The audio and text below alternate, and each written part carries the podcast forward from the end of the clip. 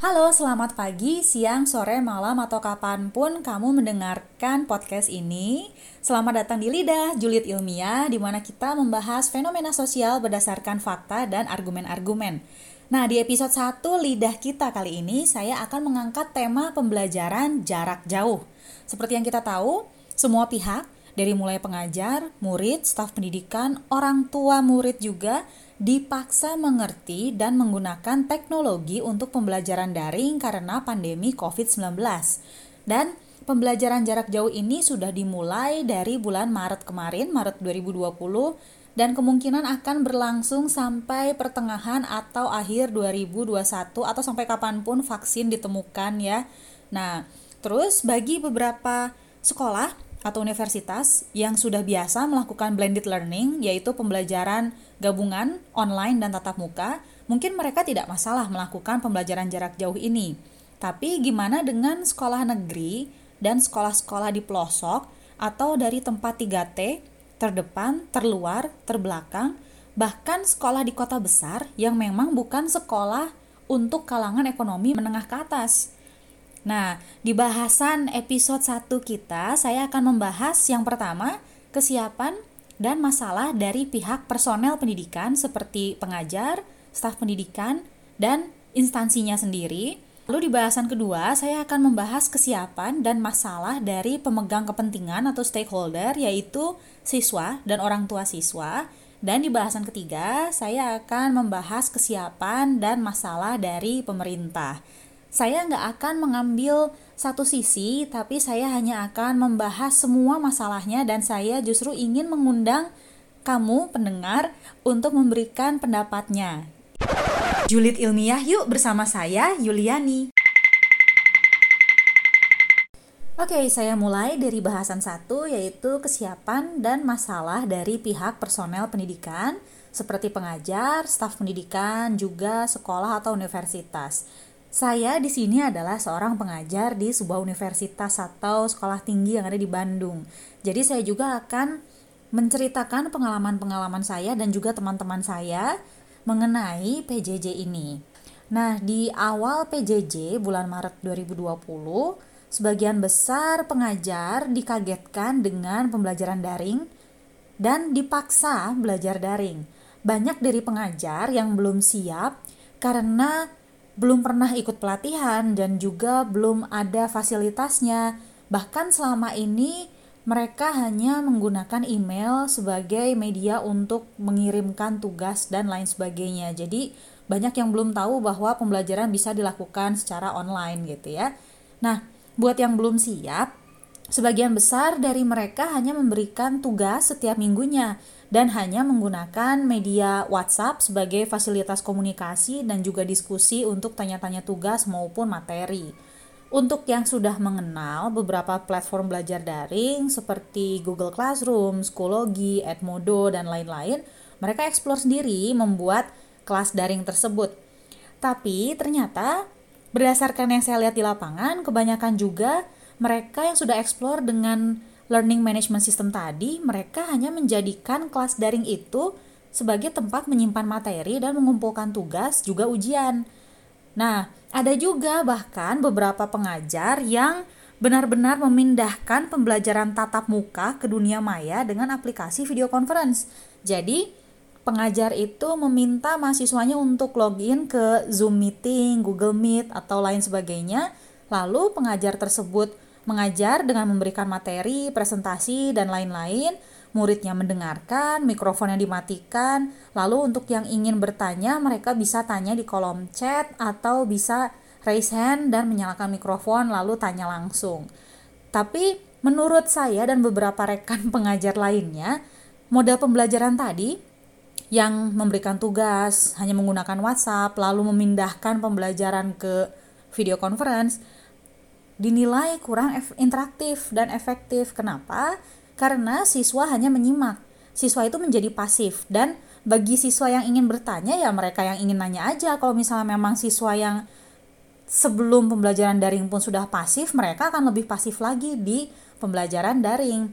Dan ketika mereka mengerjakan tugas tanpa diawasi, kita nggak tahu ya mereka mengerjakan tugasnya seperti apa ya kan Belum lagi banyak media sosial seperti Instagram, TikTok, kok jadi banyak ya video-video yang menunjukkan cara cheating gitu ya. Nah itu, jadi memang banyak dari kami um, pengajar SD, SMP, SMA, dan juga universitas menilai bahwa metode pembelajaran tadi itu kurang interaktif dan kurang efektif. Ternyata apa yang tadi saya dan rekan-rekan saya pikirkan itu dirasakan juga oleh pengajar dan juga pihak-pihak personal pendidikan lainnya. Makanya jadi banyak sekolah atau universitas yang mengadakan pelatihan internal untuk guru dan dosen-dosennya. Pelatihannya itu mengenai pelatihan cara mengajar secara daring. Terus banyak juga muncul webinar, seminar daring, pelatihan daring tentang pembelajaran daring yang interaktif untuk guru, dosen, dan tutor.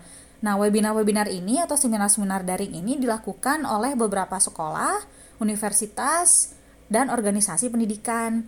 Pelatihan tadi itu ada yang gratis, ada juga yang hanya bayar e-sertifikat mulai dari 50.000 sampai 100.000 dan ada juga yang full bayar. Biasanya yang full bayar ini tuh yang pelatihan ya. Jadi misalnya tiga hari berturut-turut atau seminggu berturut-turut atau setiap minggu selama satu bulan. Nah itu biasanya full bayar dan berkisar dari 100.000 sampai 500.000 juga ada.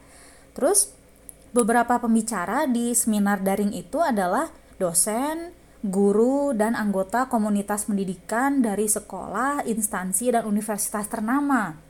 Ada yang profesor, ada yang doktor, ada yang memang praktisi pendidikan, tapi masalahnya pembicara tadi atau narasumber tadi belum tentu semuanya itu benar-benar tahu keadaan di lapangan yang sebenarnya kan. Kota besar seperti Jakarta pun fasilitas pendidikannya masih tidak merata. Misalnya ada sekolah SD yang letaknya itu terpencil dan di mana jauh dari akses internet. Mereka kan nggak tahu gitu. Bahkan di Tangerang pun kejadian kepada keponakan saya sendiri. Jadi dia itu sekolah di Tangerang. Tangerang kan kota besar ya. Ternyata ada masalah di mana orang tuanya itu dari ekonomi bawah. Jadi nggak punya HP untuk kuliah daring. Jadi mau nggak mau gurunya itu datang ke rumah muridnya. Dan e, mungkin ada juga ya yang lihat di berita-berita. Jadi ada guru yang mendatangi murid maksimal 5 murid belajar di rumahnya atau bahkan muridnya datang ke rumah gurunya untuk belajar gitu kan karena saking nggak ada internet atau bahkan HP gitu ya. Nah, yang jadi masalah itu kan narasumber tadi itu mereka kan datangnya dari sekolah dan universitas yang memang sudah terfasilitasi untuk belajar daring kan. Ya, contohnya ya, kemarin saya ikut pelatihan dan ternyata e, narasumbernya ini adalah anggota dari komunitas Anu gitu ya. Komunitas itu kan ada di Jakarta gitu dan uh, itu tuh sudah disponsori oleh pemerintah dan lain sebagainya dan narasumber ini pun adalah dosen di universitas terkemuka di Bandung gitu. Jadi pasti sudah ada lah fasilitas untuk belajar daring gitu. Nah, mereka tidak tahu lap di lapangan bahwa ada muridnya yang berasal dari kelas ekonomi menengah ke bawah gitu. Mereka sudah biasa um, mendapatkan murid yang berasal dari kelas ekonomi menengah ke atas. Jadi bagi mereka tidak masalah kalau harus menggunakan banyak aplikasi supaya pembelajaran daring interaktif. Jadi berdasarkan beberapa seminar yang kemarin saya ikuti, ya untungnya sih saya dapat sertifikat ya, tapi saya berpikir ya iya sih mereka kayak yang yakin banget gitu ya bahwa pembelajaran akan interaktif gitu dan mereka itu selama seminar kemarin mereka menggunakan banyak platform untuk memberikan materi dan juga kuis-kuis. Nah, masalahnya kan tidak semua sekolah atau universitas atau guru dan murid juga bisa mengakses platform-platform tadi karena terbatasnya kuota, terbatasnya jaringan internet dan terbatasnya HP atau teknologi yang mendukung. Lalu ada lagi masalah dengan sikap pengajar setelah dapat pelatihan-pelatihan daring. Jadi kemarin juga waktu saya ikut satu seminar daring tentang pembelajaran interaktif gitu ya. Di komen-komennya itu banyak pengajar yang bilang, "Wah, keren nih aplikasi ini, akan saya coba deh." gitu. Terus kayaknya saya akan pakai aplikasi ini deh, terlihat lebih mudah. Ada juga yang komentar, "Oh, kok saya lebih senang pakai ini, kayaknya interaktif banget, rame banget, siswanya kayaknya akan lebih rame." itu kan menurut mereka gitu ya jadi saya melihatnya itu kemarin sikap pengajar setelah dapat pelatihan daring itu mereka merasa dapat ilmu baru dan ingin langsung praktik ke kelasnya tapi mereka tidak tahu dan tidak mengecek kemampuan siswanya dalam mengakses pembelajaran menggunakan aplikasi atau platform tadi gitu. Jadi mereka tuh komennya oh kayaknya saya ini aja deh, kayaknya saya pakai ini aja deh. Wih, keren ya aplikasi ini ya bisa gini gini gini gini. Hei Pak, Bu, apakah Bapak Ibu memikirkan bahwa siswa Bapak Ibu itu HP-nya itu hanya punya RAM 2 GB dan itu juga ada yang minjem ke orang tuanya gitu loh Pak Bu gitu ya. Jadi jangan mentang-mentang habis pelatihan kita sebagai pengajar itu merasa dapat ilmu baru langsung dipraktekkan jangan dulu kan kesannya jadi show off ya atau pamer dengan kemampuannya memakai banyak platform pembelajaran daring yang katanya bisa bikin kelas interaktif tapi menyedot kuota besar. Nah, baiknya sih menurut saya pribadi harus ada analisis kebutuhan atau needs analysis. Kita kan pendidik, pasti tahu ya needs analysis itu apa. Jadi, harus ada analisis kebutuhan di awal pembelajaran untuk tahu kemampuan dan kesiapan siswa untuk belajar daring. Lalu, metode pembelajarannya baru disesuaikan dengan kemampuan siswa tadi. Kan bisa ya kita pakai Google Form untuk survei misalnya seperti yang kemarin saya lakukan survei HP kamu RAM-nya berapa giga. Ternyata hasilnya itu paling banyak jawab itu RAM-nya 4 giga ke bawah. Kebayang nggak kalau mereka harus install banyak aplikasi? Terus harus multitask, kan nggak bisa kalau RAM yang 4 giga ke bawah. Terus saya juga tanya, paket internet kalian itu biasanya berapa giga per bulan? Ada yang bilang cuma 10 giga. Please 10 giga untuk nonton YouTube satu aja udah habis gitu ya.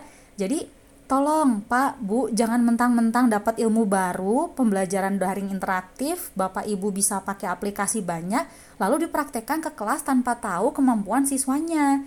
Itu tolong banget ya Pak, Bu, ini Maya. Julid ilmiah yuk bersama saya, Yuliani. Oke, sekarang kita masuk ke pembahasan kedua, yaitu kesiapan dan masalah dari pemegang kepentingan, yaitu siswa atau orang tua siswa.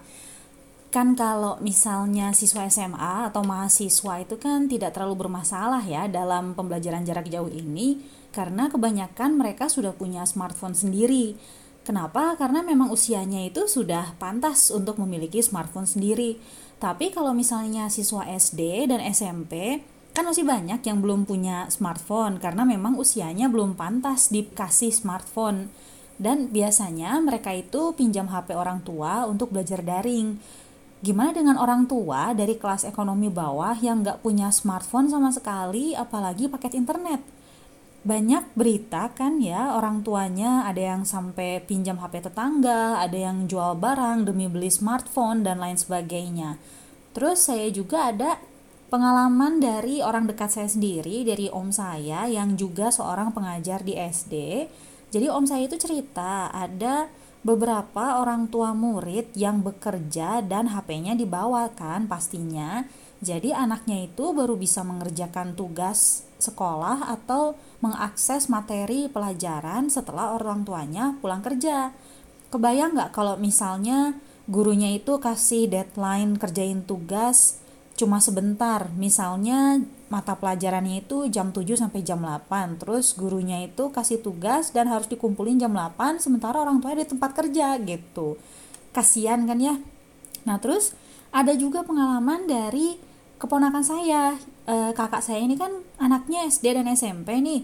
Akhirnya kakak saya itu terpaksa kasih smartphone ke anaknya yang SD dan SMP demi belajar online mending orang tuanya mampu ya bisa beli smartphone. Nah, gimana dengan beberapa orang tua yang nggak mampu beli smartphone dan kebetulan juga rumahnya itu jauh dari jangkauan internet.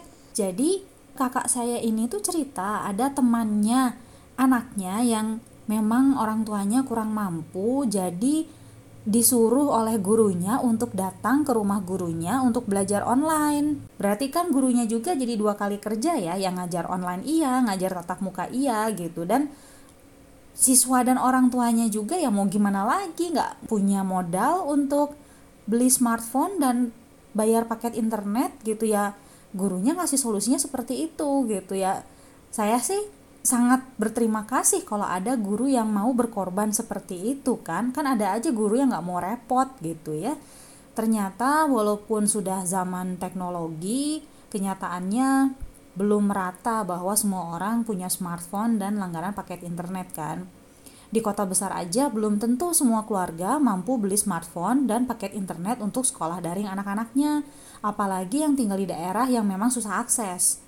Terus untuk anak SD nih khususnya, mau nggak mau orang tua juga harus mendampingi kan setiap lagi belajar daring atau mengerjakan tugas. Biasanya kan ortu percayakan sekolah nih untuk mendidik anaknya. Nah, selama PJJ kan ortu wajib dong ikut andil ngajarin, ngebimbing, dan mendampingi anaknya. Gimana kalau orang tuanya super sibuk, kerja dari pagi sampai sore bahkan malam demi memenuhi kebutuhan hidup keluarganya? Memang buah si malakama sih. Julid ilmiah yuk bersama saya Yuliani. Nah, sekarang kita udah masuk ke bahasan terakhir kita, bahasan ketiga yaitu kesiapan dan masalah dari pemerintah tentang PJJ ini. Seperti yang kita tahu ya, sudah banyak langkah-langkah yang dilakukan pemerintah melalui Kemdikbud untuk mengantisipasi kesulitan PJJ dan memang patut kita apresiasi. Nggak boleh nyinyir kita, harus apresiasi. Kayak usaha pemerintah untuk meringankan beban siswa, ortu siswa, dan pengajar dengan pemberian kuota untuk guru dan siswa, dan juga kerjasama dengan provider untuk biaya internet murah itu sangat saya hargai. Tapi tetap ada yang perlu dievaluasi, seperti pemberian kuota ke semua kalangan guru dan siswa yang nama dan nomor HP-nya terdaftar di database tanpa pandang bulu. Maksudnya tanpa pandang bulu itu apa? Ya sekarang kalau misalnya guru dan siswa yang memang punya wifi di rumah atau biasa beli paket internet kuota besar, ya intinya mereka mampu ya. Kayaknya nggak butuh bantuan lagi deh. Tapi untungnya kuota gratis dan murah itu dibatasi kuota umumnya. Kalau nggak salah hanya 5 giga kan ya kuota umumnya dan sisanya kuota yang besar itu sekitar 45 gigaan khusus untuk akses platform belajar seperti Google Classroom, Zoom, rumah belajar, dan lain-lain. Jadi memang semoga tidak ada penyelewengan penggunaan kuota belajar. Terus pemerintah juga masih banyak PR-nya dalam pemerataan jaringan internet di Indonesia, khususnya untuk keperluan PJJ ini. Tapi kalau di daerah yang tidak tercover jaringan internet itu zona hijau sih memang jadi bisa belajar tatap muka asal tetap menerapkan protokol kesehatan. Semoga ini sih harapan saya, semoga seluruh daerah di Indonesia bisa punya jaringan internet dalam waktu dekat ya. Jadi ke depannya kita bisa menerapkan blended learning atau yang kata Mas Menteri itu adalah hybrid learning, yaitu perpaduan sekolah online dan sekolah tatap muka. Jadi kesimpulannya, sepertinya semua pengajar, siswa, dan orang tua siswa memang mengalami masalah-masalah yang tadi dibahas ya. Menurut saya, selama kita punya empati, masalah-masalah tadi bisalah diatasi. Kalau menurut kamu gimana? Makasih yang udah denger episode 1 Lidah saya, ketemu lagi di episode berikutnya. Julid ilmiah yuk bersama saya, Yuliani.